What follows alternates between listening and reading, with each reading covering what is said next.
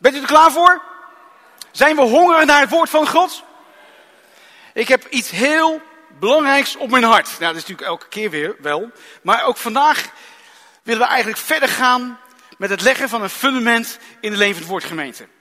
En het leven is soms een worsteling. Wie ervaart dat? Wie ervaart dat niet? Leven is af en toe een worsteling, toch? Het is fijn om eerlijk te zijn met elkaar, toch? Ja, toch? Het leven is soms een worsteling. En toen ik wat kleiner was, ik ben nummertje vier, hè, voor degenen die het nog niet weten. Vijf jongens, ik heb vier broers en ik ben nummertje vier. En als jongens konden we heerlijk met elkaar stoeien. Stoeien, dat doe je als jongens, hè? lekker stoeien met elkaar en allemaal broers. En we hadden zelfs stoei zaterdagen. Serieus, dan gingen we naar zolder en dan gingen we met elkaar stoeien. En mijn vader deed dan ook mee. En hij had vijf jongens. En dan waren natuurlijk een stuk kleiner.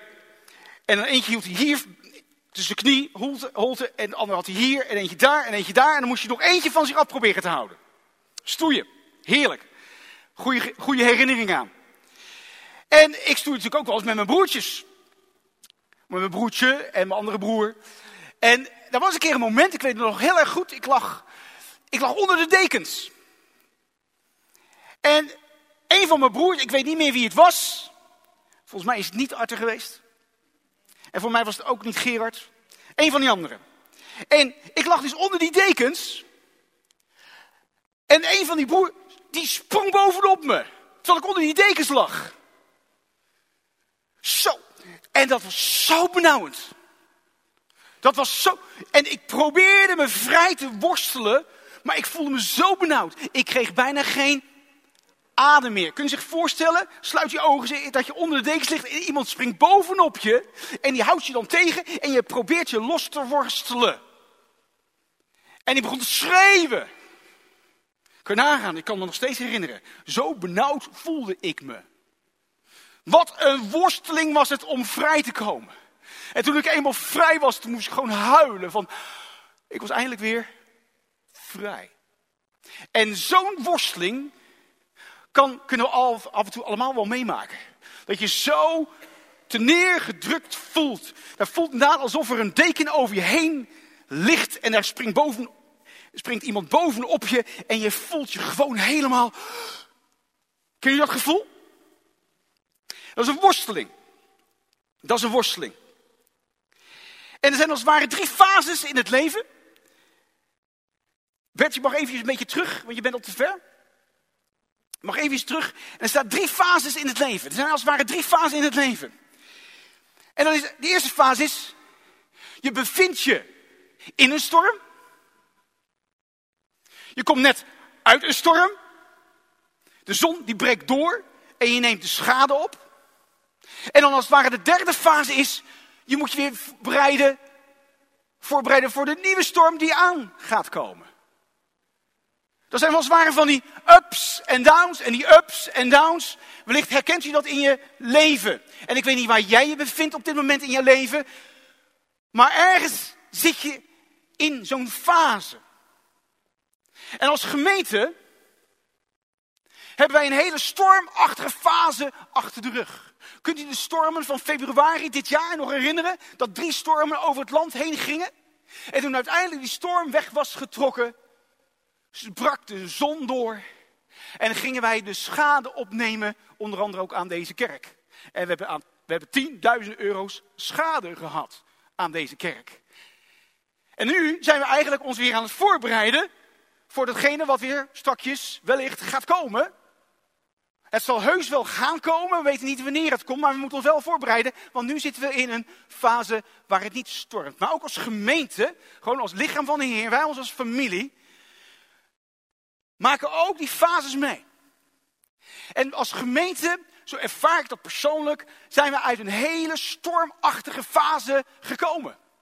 Het is heel zwaar geweest, het is heel moeilijk geweest. En nu als het ware ervaar ik ook voor mezelf samen met Leonie van, ja hé, hey, we komen weer in een fase, de zon breekt door. De zon breekt door. Het wordt weer behagelijk warm ook zo met elkaar. Je voelt leven, het bruist. Het is goed toeven zo met elkaar. Zo ervaren wij dat. Ervaren jullie dat ook? U mag reageren. Toch? En we zijn dus nu bezig ons voor te bereiden. En we, wat, wat moeten we ook doen? We moeten als het ware de schade opnemen van de afgelopen periode. Want er is schade. Daar is schade aan de gemeente. We komen uit een corona. We komen uit een covid. En dat heeft de gemeente überhaupt wereldwijd niet goed gedaan. Het is een mokerslag geweest voor het lichaam van de Heer. Mensen zijn verward geraakt. Mensen zijn ontrouw geworden. Mensen zijn lui geworden. En dat is als het ware ook de schade die is berokkend aan de gemeente. En wij zitten nu in een fase dat we dat als het ware, en we hebben dat ook de nulmeting genoemd, voor degenen die dit al eh, wat, wat vaak hebben gehoord, die snappen wat ik bedoel. We zijn als het ware, we hebben de resetknop is ingedrukt en zeggen, oké, waar staan wij nu als gemeente? Wat moeten we nu gaan doen? En dat is dus die fase waarin we nu zitten, dat als het ware weer opnieuw een fundament mogen neerleggen voor het nieuwe tijdperk wat aanbreekt. Dus we zitten in een hele strategische, belangrijke tijden ook als gemeente. En in de tijd van die storm,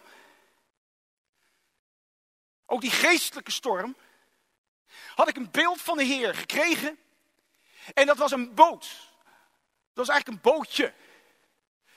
En inmiddels was het mooi weer geworden.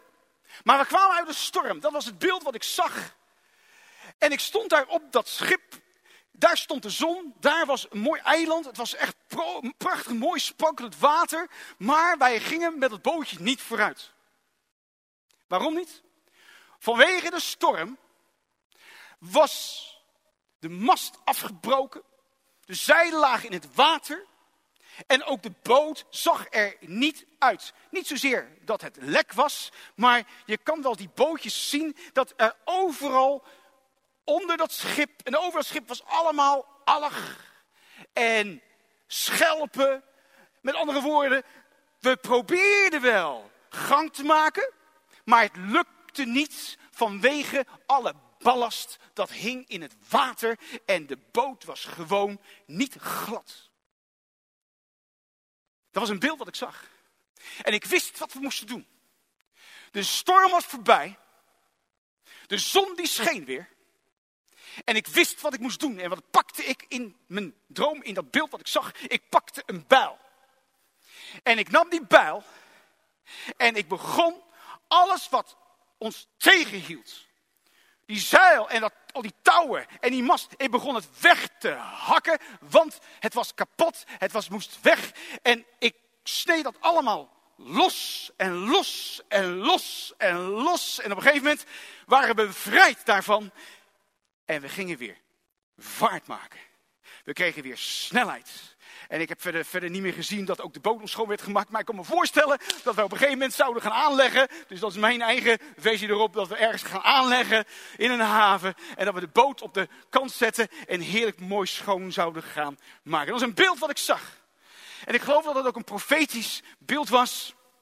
Want we hebben ook tijdens die storm een prachtige mooie missie en ook een visie, mogen formuleren. Oh, het is geweldig om dan met elkaar bezig te zijn en woorden op papier te zetten.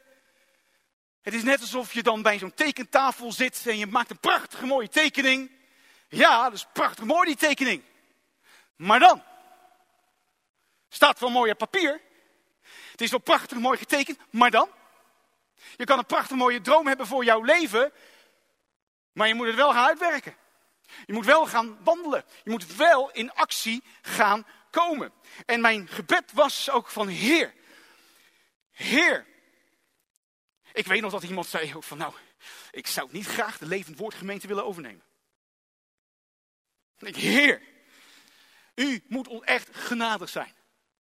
Als u niet komt, als u niet gaat bewegen, dan worden we BBC. Weet je wat BBC betekent? Belly button Christians. Dan gaan we navelstaren. Dan gaan alleen maar naar navel staren. En dan gaan we naar binnen toe kijken. Nee, Heer. Nee, Heer. Kom met uw kracht. Kom met uw glorie. Ik weet niet of we dat straks eventueel zouden kunnen zingen. Want ik vul, het huis met uw glorie. 815. Zo, in de bid stond hiervoor, zongen we dat lied. Vul dit huis met uw glorie. En Heer, dat is mijn gebed. Vul ons met uw glorie. Vul dit huis met uw glorie. Heer, geef ons een strategie. En op 16 oktober, op de dag dat ik werd ingezegend, stond ik ook in diezelfde voorbid stond. En ik zeg, oh Heer, uw glorie, uw glorie. En het was net alsof God tot me sprak. Zeg ik, nou Patrick, kan ik jullie mijn glorie toevertrouwen? Kan ik mijn glorie aan jullie toevertrouwen? En we kregen toen een prachtige mooie boodschap van Dick Westerop, Westerhof. Waarin hij zei en ook jongens, wees sterk en wees moedig. Ga dat beloofde land in bezit nemen. We hebben een andere mentaliteit nodig in die eindtijd. En ik was, ik zeg, Heer, en God zei voor jou, mijn Patrick, step up. Step up. Sorry voor het Engels. Step up. Kom hoger op. Kom hoger op. En als we hier dan staan, step up betekent omhoog gaan, hè? Maar wat betekent, waar wij voor op moeten passen, is als je dus een step up doet, keer je rug niet tegen de vijand. Luister wat ik zeg. Keer je rug niet tegen de vijand. Want dan ga je dit doen. Dan heb je niet meer in de gaten wat er achter je gebeurt. Wat wij moeten doen is keer je rug van de vijand. Dat is een verschil. Waarin wij als het ware alert blijven. Dus als wij een step-up moeten doen, dan zullen wij alert moeten blijven, want er is een geestelijke strijd. De vijand zit niet stil.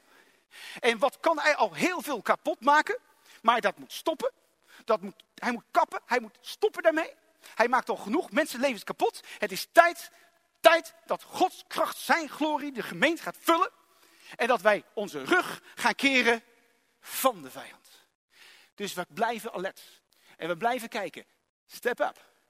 Step up. Step up. Step up. Nog een stapje over. Step up. Maar ik blijf overzicht houden. Ik blijf alert, want er is een geestelijke strijd. Wees alert. Wees alert. En ik was er zo mee bezig. En de afgelopen twee passieavonden zijn we bij elkaar geweest. Ook afgelopen zondag, niet ieder, of afgelopen woensdagavond. Niet iedereen kan daarbij zijn. Dat snappen we ook. En daarom denk ik dat het ook goed is om heel kort ook daarop terug te grijpen. Opdat we allemaal op diezelfde pagina zijn. Dat we allemaal weten wat God aan het doen is bij ons in deze gemeente.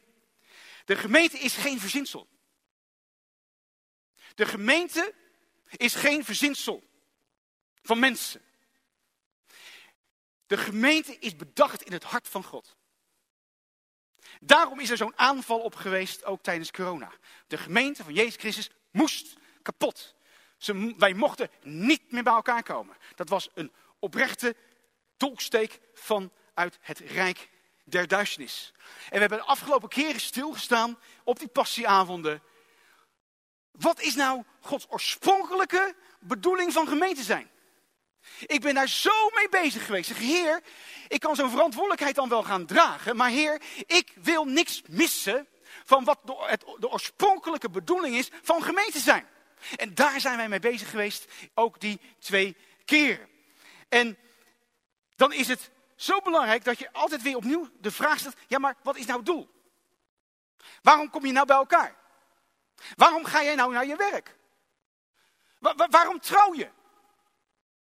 Waarom heb je kinderen? waarom dan? wat is nou het doel van het bestaan? Elke keer moeten we onszelf de vraag stellen: wat is nou het doel? En ik kwam een verhaal tegen en ik wist niet wat ik hoorde, ik wist niet wat ik las. Zeker in het begin van de tijd, de magnetron. Ik gebruik de magnetron elke dag. Geweldig. Wat is dat prachtig bedacht. Iemand heeft daarover nagedacht. Die heeft dat bedacht. En die heeft dus daarmee een doel ook gegeven. Allerlei zaken die je wil opwarmen.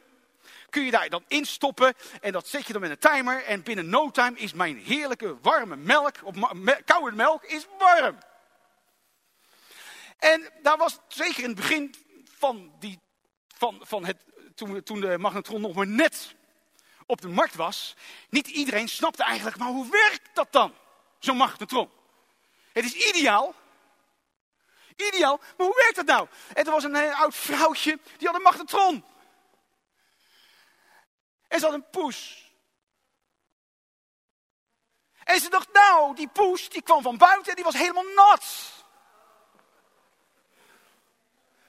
Het was helemaal nat. En ze dacht, ach, kom maar lieve schatje, kom maar, kom maar, kom maar, kom maar, kom maar bij het baasje. Dan ga ik je lekker opwarmen. Serieus, hè? is erg. Met andere woorden, deze vrouw snapte niet de bedoeling van de magnetron. Die snapte niet hoe het werkte. Zij wist dat niet. Ze was onwetend. Ze nam dat poesje. En ze heeft dat poesje in de magnetron gedaan. Deurtje dicht. Ja. Ja. Ging niet goed met de poes. Ging absoluut niet poes. Eh, eh, ja, mispoes. Nee.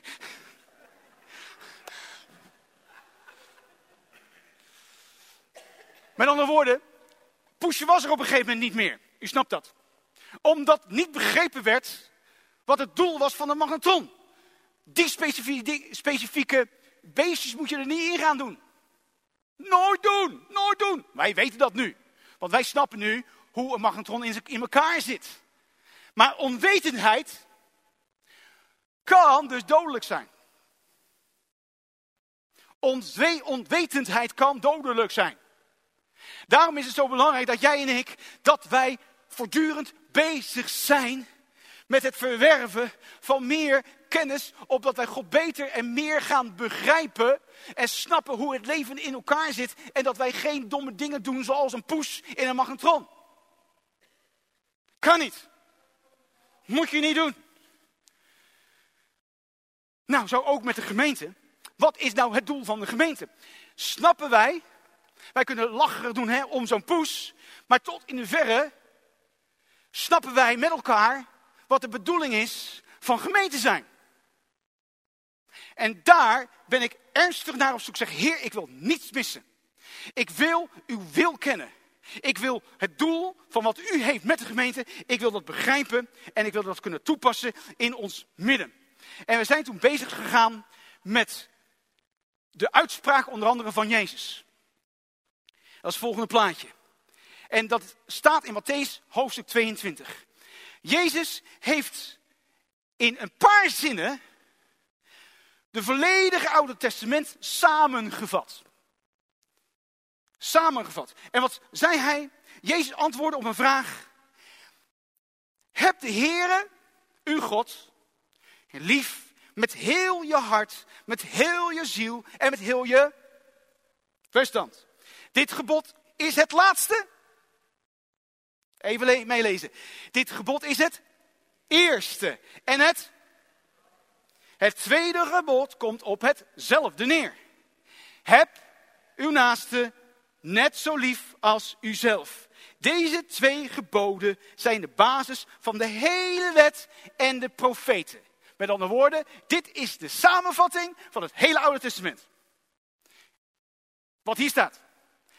Heb je Heere God lief en heb je naaste lief. Die twee. Vervolgens, ik heb altijd geleerd, als mensen op hun sterfbed liggen, dan moet je goed luisteren naar hun laatste woorden. Want vaak zijn dat, de hele, zijn dat hele belangrijke woorden, die ze nog op het laatste moment willen meegeven. Amen? Amen? Toen Je Jezus toen gestorven, hij is opgestaan uit de dood, maar voordat hij naar de hemel ging, gaf hij zijn discipelen een opdracht. Een bevel. De grote opdracht wordt hij ook genoemd. En daar staat, gaat dan heen, maak al de volken tot mijn discipelen En doopt hen in de naam van de Vader en de Zoon en de Heilige Geest. En leert hen onderhouden al wat ik u bevolen heb.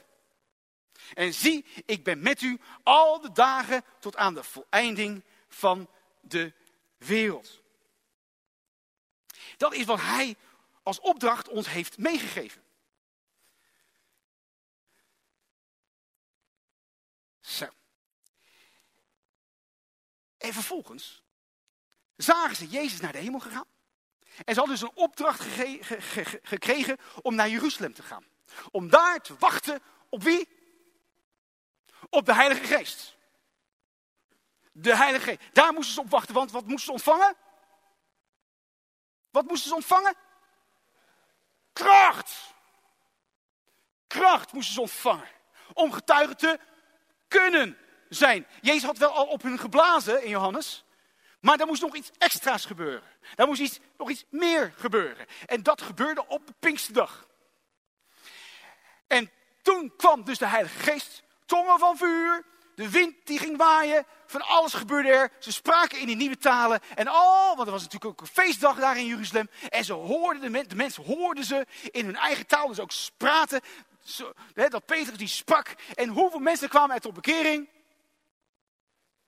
3000 mensen. Wat een kracht, wat een power. En ik zeg, Heer, daar verlang ik naar. Daar verlang ik naar. En ik ben ermee bezig geweest. Ik zeg, Heer, wat kunnen we nou daaruit halen? Wat een principe is, wat een tijdloze waarheid is, wat we ten alle tijden, waar dan ook ter wereld kunnen toepassen. En ik heb dat genoemd de vijf pilaren van het gemeenteleven. Gemeenteleven. Niet alleen voor de gemeente, maar dit zal ook uit gaan werken in je persoonlijk leven. Vijf pilaren, wat sleutels gaan zijn tot een gebalanceerd en gezond gemeenteleven. Want die pilaar is ontzettend belangrijk. Een pilaar, daar steunt het gebouw op. Net zoals draagmuren. Draagmuren zijn vreselijk belangrijk voor een gebouw. Bepaalde muren kan je wegbreken, andere muren kan je niet wegbreken. Zouden we deze, deze muur kunnen wegbreken? Waarom niet?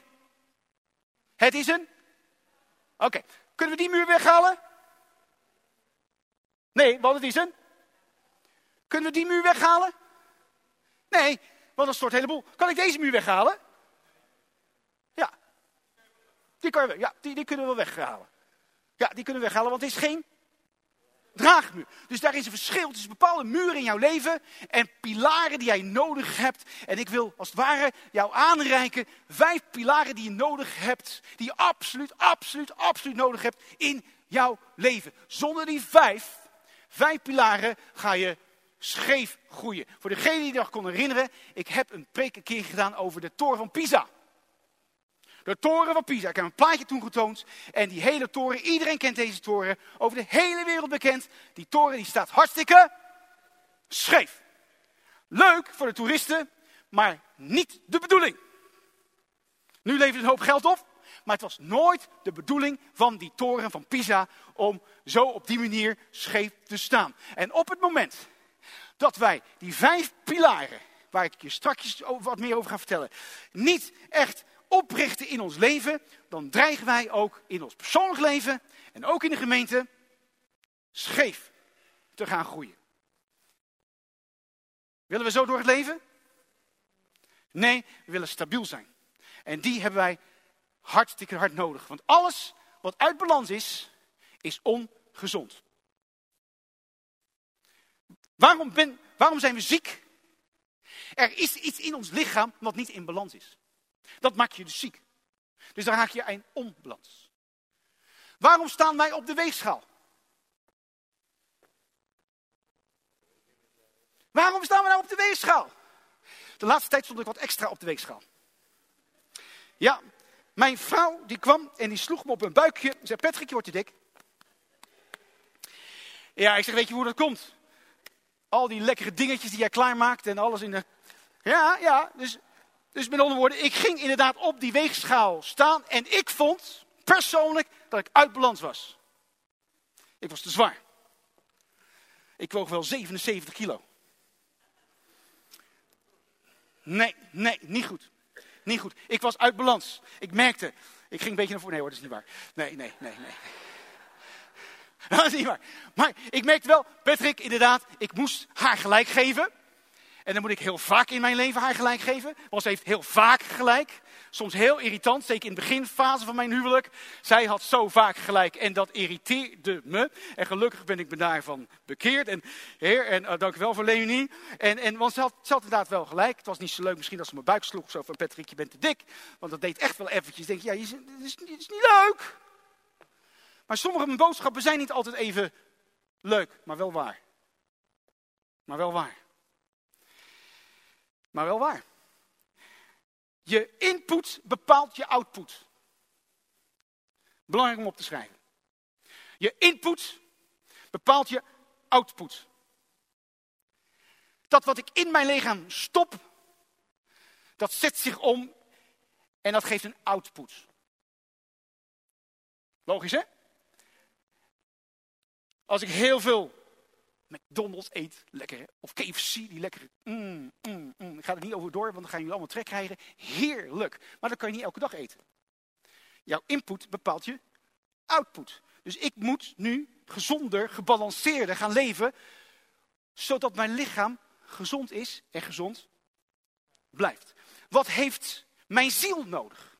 Wat is de input van mijn ziel? Wat heeft mijn ziel nodig om gezond te kunnen zijn? Onvoorwaardelijke liefde.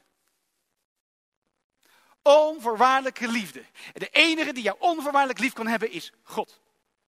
Er zijn mensen die wellicht heel erg veel van jou houden, maar ze kunnen geen onvoorwaardelijke liefde jou geven. Waarom? Wij zijn mens. Wij leven in een onvolkomen wereld. De enige persoon die jou echt door en door, dwars door alles heen, kan blijven liefhebben, dat is Jezus Christus, de opgestane Heer. Hij heeft laten zien, hij heeft laten, hij bewezen dat hij van jou houdt door te sterven aan het kruis. Zoveel houdt hij van jou. Die input voor jouw ziel, onvoorwaardelijke liefde. Maar we hebben ook een geest. We hebben, hè, we hebben onze lichaam, we hebben onze ziel, maar we hebben dus ook een geest. Geest waarmee je contact hebt met de boven, bovennatuurlijke wereld. Halloween. We hebben het allemaal net gehad, een paar weekjes terug. Wat een duisternis. Mensen snappen er helemaal geen pepernoot van. Helemaal niks. Ze snappen niet van dat ze zich openen voor de geestelijke wereld. Die geest opent zich, die wil contact hebben. Zo heeft God het namelijk bedoeld. Wat heeft, God, wat heeft onze geest nodig om gezond te zijn? Wat heeft jouw geest nodig om gezond te zijn? Weet je wat dat is? De zuivere waarheid. De waarheid. En wie is de waarheid? Jezus. Want jouw input bepaalt jouw nog een keer. Jouw input bepaalt jouw output. Wij zijn niet geschapen om junkfood christenen te zijn. Die leven van snacks. Nee, wij dienen spinazie christenen te zijn. Greta, die kwam naar mij. En ik ben dat nooit meer vergeten. Spinazie christenen. Zeg eens en vraag eens aan je buurman. Ben jij een spinazie christen? Of ben jij een junkfood christen? Even checken. Want jouw input bepaalt jouw output. Eventjes checken met elkaar. Hebben wij hier, hebben wij hier spinazie-christenen? Nou, ik geloof het niet. Ik hoor helemaal niks. Hebben wij hier een beetje spinazie-christenen? Laat eens even horen. Spinazie-christenen. Geestelijke spierballen. Ik heb geen natuurlijke spierballen. Maar in de geestelijke wereld. Sha! Mm. Ja, je moet me zien soms ochtends vroeg in die keuken bij mij. Dan loop ik door die keuken en dan ben ik aan het. Mm. Ik haat kwaad. Je mag haten. Geen mensen, maar wel te kwaad. Echt waar. Echt waar. Oké, waar was ik? Vijf pilaren van het gemeenteleven. Ik ga daar niet, ik ga daar niet te lang bij stilstaan. Maar wel onvoorstelbaar belangrijk dat we deze goed gaan begrijpen. Dus allemaal even zo. Ik ga iets leren. En dit gaat u nooit meer vergeten. En ik hoop en ik bid dat u dit elke dag van je leven gaat toepassen. Ik ga dat ook doen. Ik ben er ook mee bezig. Ik wil het elke, elke dag, elke dag gaan doen. Deze vijf vingers. Die vijf. Doe eens even zo, allemaal. Even, even iets mee. Ja, het is misschien wat kinderachtig, maar ik doe het heel bewust. Want ik ga u iets heel belangrijks vertellen. En als we dat gaan pakken als gemeente, dan, gaan we, dan kunnen we ook daadwerkelijk een vuist maken. Let op. We gaan gewoon naar de eerste gemeente. Ik vind dat zo mooi wat daar in de eerste gemeente gebeurde. De geest van God was gevallen. Tongen van vuur. Wat een power, wat een kracht. Wonderen en tekenen gebeurden. Zou dat niet standaard moeten zijn? Oké, dan, dan dienen we echt die spinazie-christenen te zijn. Dan zullen we werkelijk echt aan de bak moeten met elkaar. Om dat voor elkaar te krijgen. Want God wil er. Aan God ligt het nooit. Oké. De duim.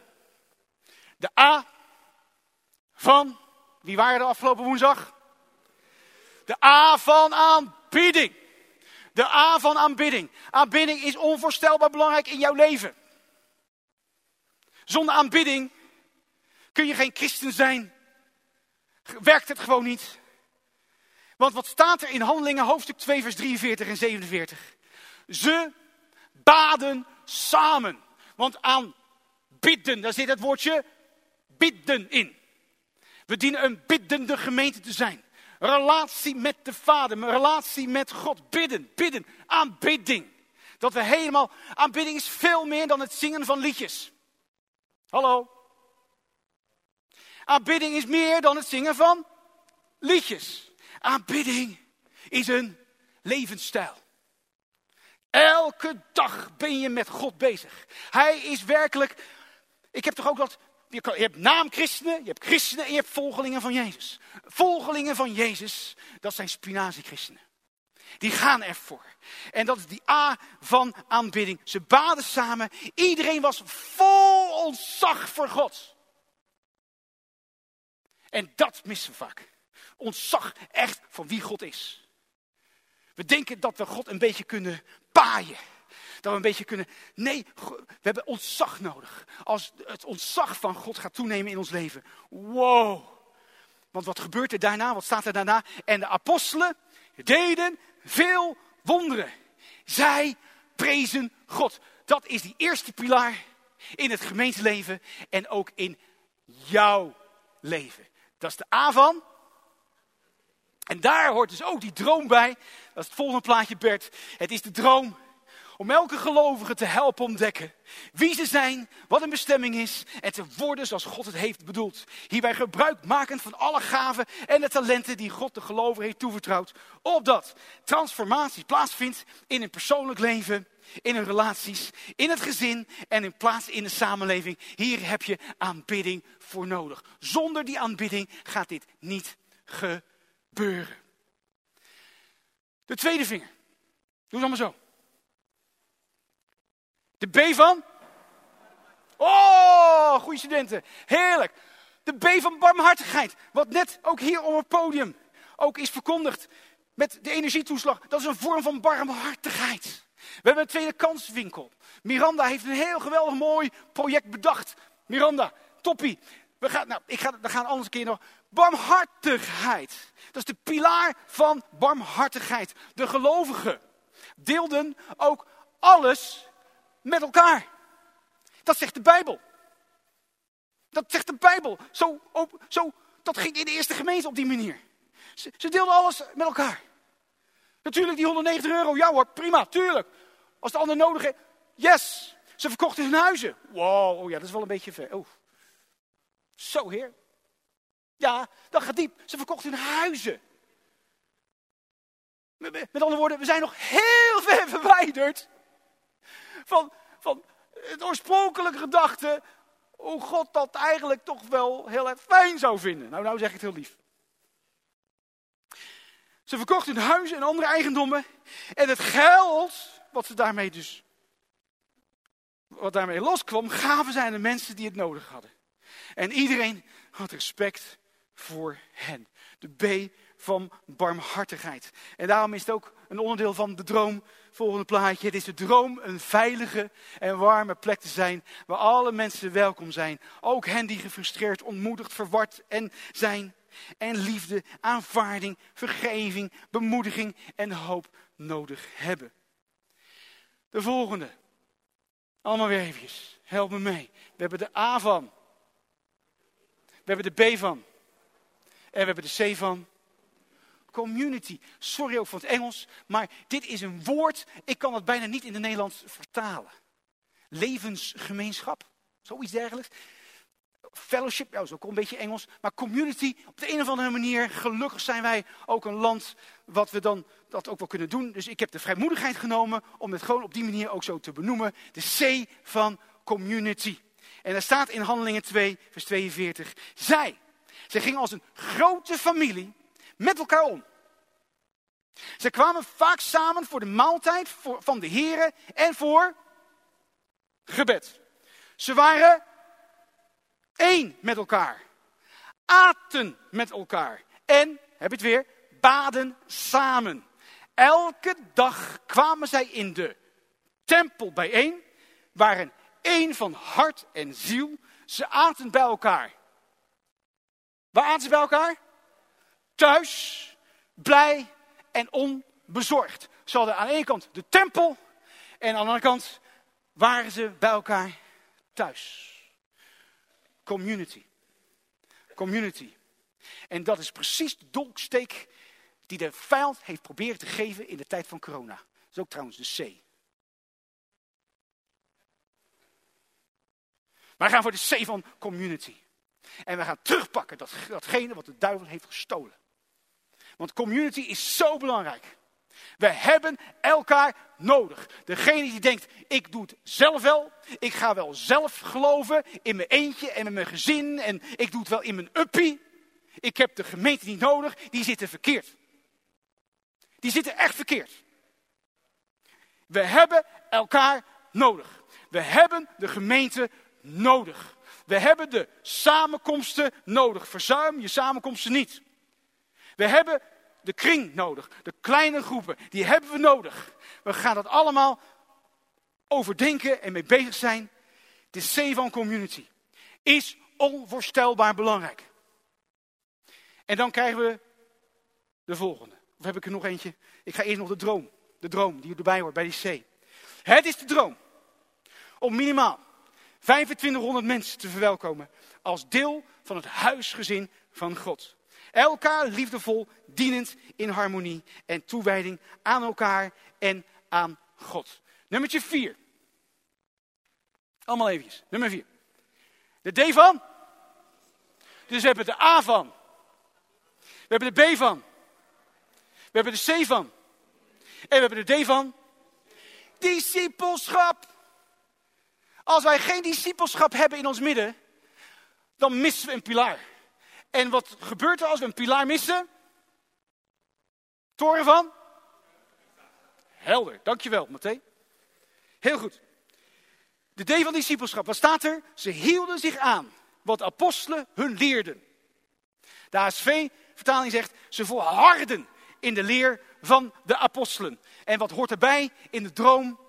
Het is de droom om mensen toe te rusten tot geestelijke volwassenheid waarin bijbels onderwijs centraal staat. Door fysiek samen te komen, in kleine en in grotere groepen, een trainingsschool te doorlopen, conferenties bij te wonen, met elkaar op kamp te gaan en ook online cursussen en onderwijs te volgen.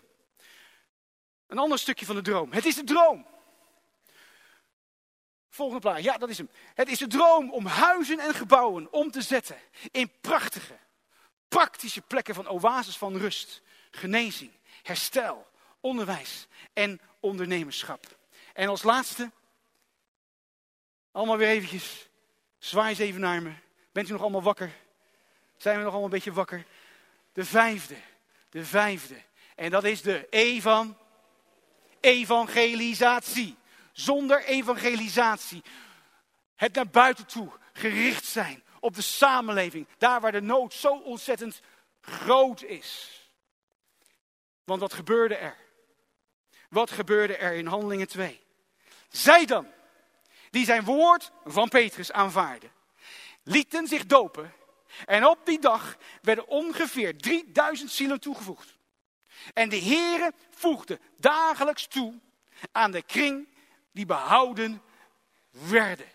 Op het moment dat wij die vijf pilaren oprichten in ons midden, die vijf pilaren ook oprichten in je persoonlijk leven, dan gaat het komen. Dan gaat God komen. En gaat God mensen op ons pad brengen, op jouw pad brengen. Geweldig wat daar dan gaat gebeuren. De droom die daarbij hoort. Het is de droom om het goede nieuws van Jezus Christus te delen met de honderdduizenden mensen in Rotterdam en omstreken.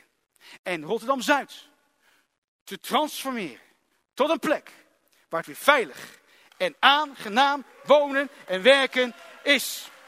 Vervolgens, het is de droom om gemeenten te stichten, tentenmakers uit te zenden naar alle uithoeken van de wereld, naar de onbereikte bevolkingsgroepen, duurzame bedrijven helpen op te zetten, zendingsteams uit te zenden als kortverbandzendelingen en allerlei zendingsprojecten te initiëren. Amen. Christa, amen. Samenvatting. Het volgende plaatje. Inderdaad. Waar begonnen we mee? Met de woorden van Jezus. Heb de Heere lief. Met je hele hart. Heb de Heere lief met je hele hart. Dat is de A van aanbidding. Vervolgens heb je naast lief als jezelf. Dat is barmhartigheid. Wat zeiden we ook? Doop hen. Dat was de grote opdracht. Doop hen. Dat is de C van.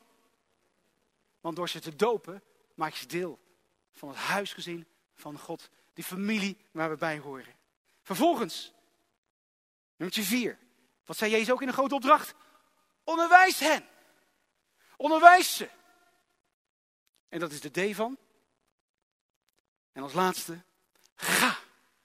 En maak discipelen. En dat is de D van discipelschap. Met elkaar, nog een keer, om niet te vergeten. De A van, de B van, de C van, de D van en de E van. Ik ga u huiswerk geven. Ja, ik heb tien jaar voor de klas gestaan. Ik ga je huiswerk geven. En dat heeft te maken met de A, de B, de C, de D en de E. Dit ga je niet meer vergeten. Elke morgen, als je wakker wordt, wat doe je als je wakker wordt? Oh, dan strek je uit, toch? Even uitrekken. En als je dat doet, oh, mijn hand. Mijn hand. Oh, Oké, wat was het ook alweer? Hoe staat het met de pilaaraanbidding in mijn leven? Want dit is niet alleen voor de gemeente, maar dit is ook voor jou. Deze pilaren zijn zo confronterend. Want het legt gelijk bloot. Het laat gelijk zien waar nog aan gewerkt dient te worden. Dat geldt zeker voor de levend woordgemeente. Want als ik kijk naar al die pilaren. Sommige pilaren zeg ik, mwah, zesje, zeven, ja. Maar andere pilaren, die zijn amper aanwezig in ons midden. Daarom, ja, snap je? Dus elke keer als ik zo doe, oh oh, we zijn uit balans. Met andere woorden, we hebben een gezonde balans nodig.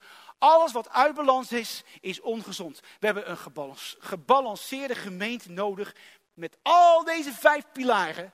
Als er eentje dreigt om te vallen, betekent dat we al gelijk scheef gaan.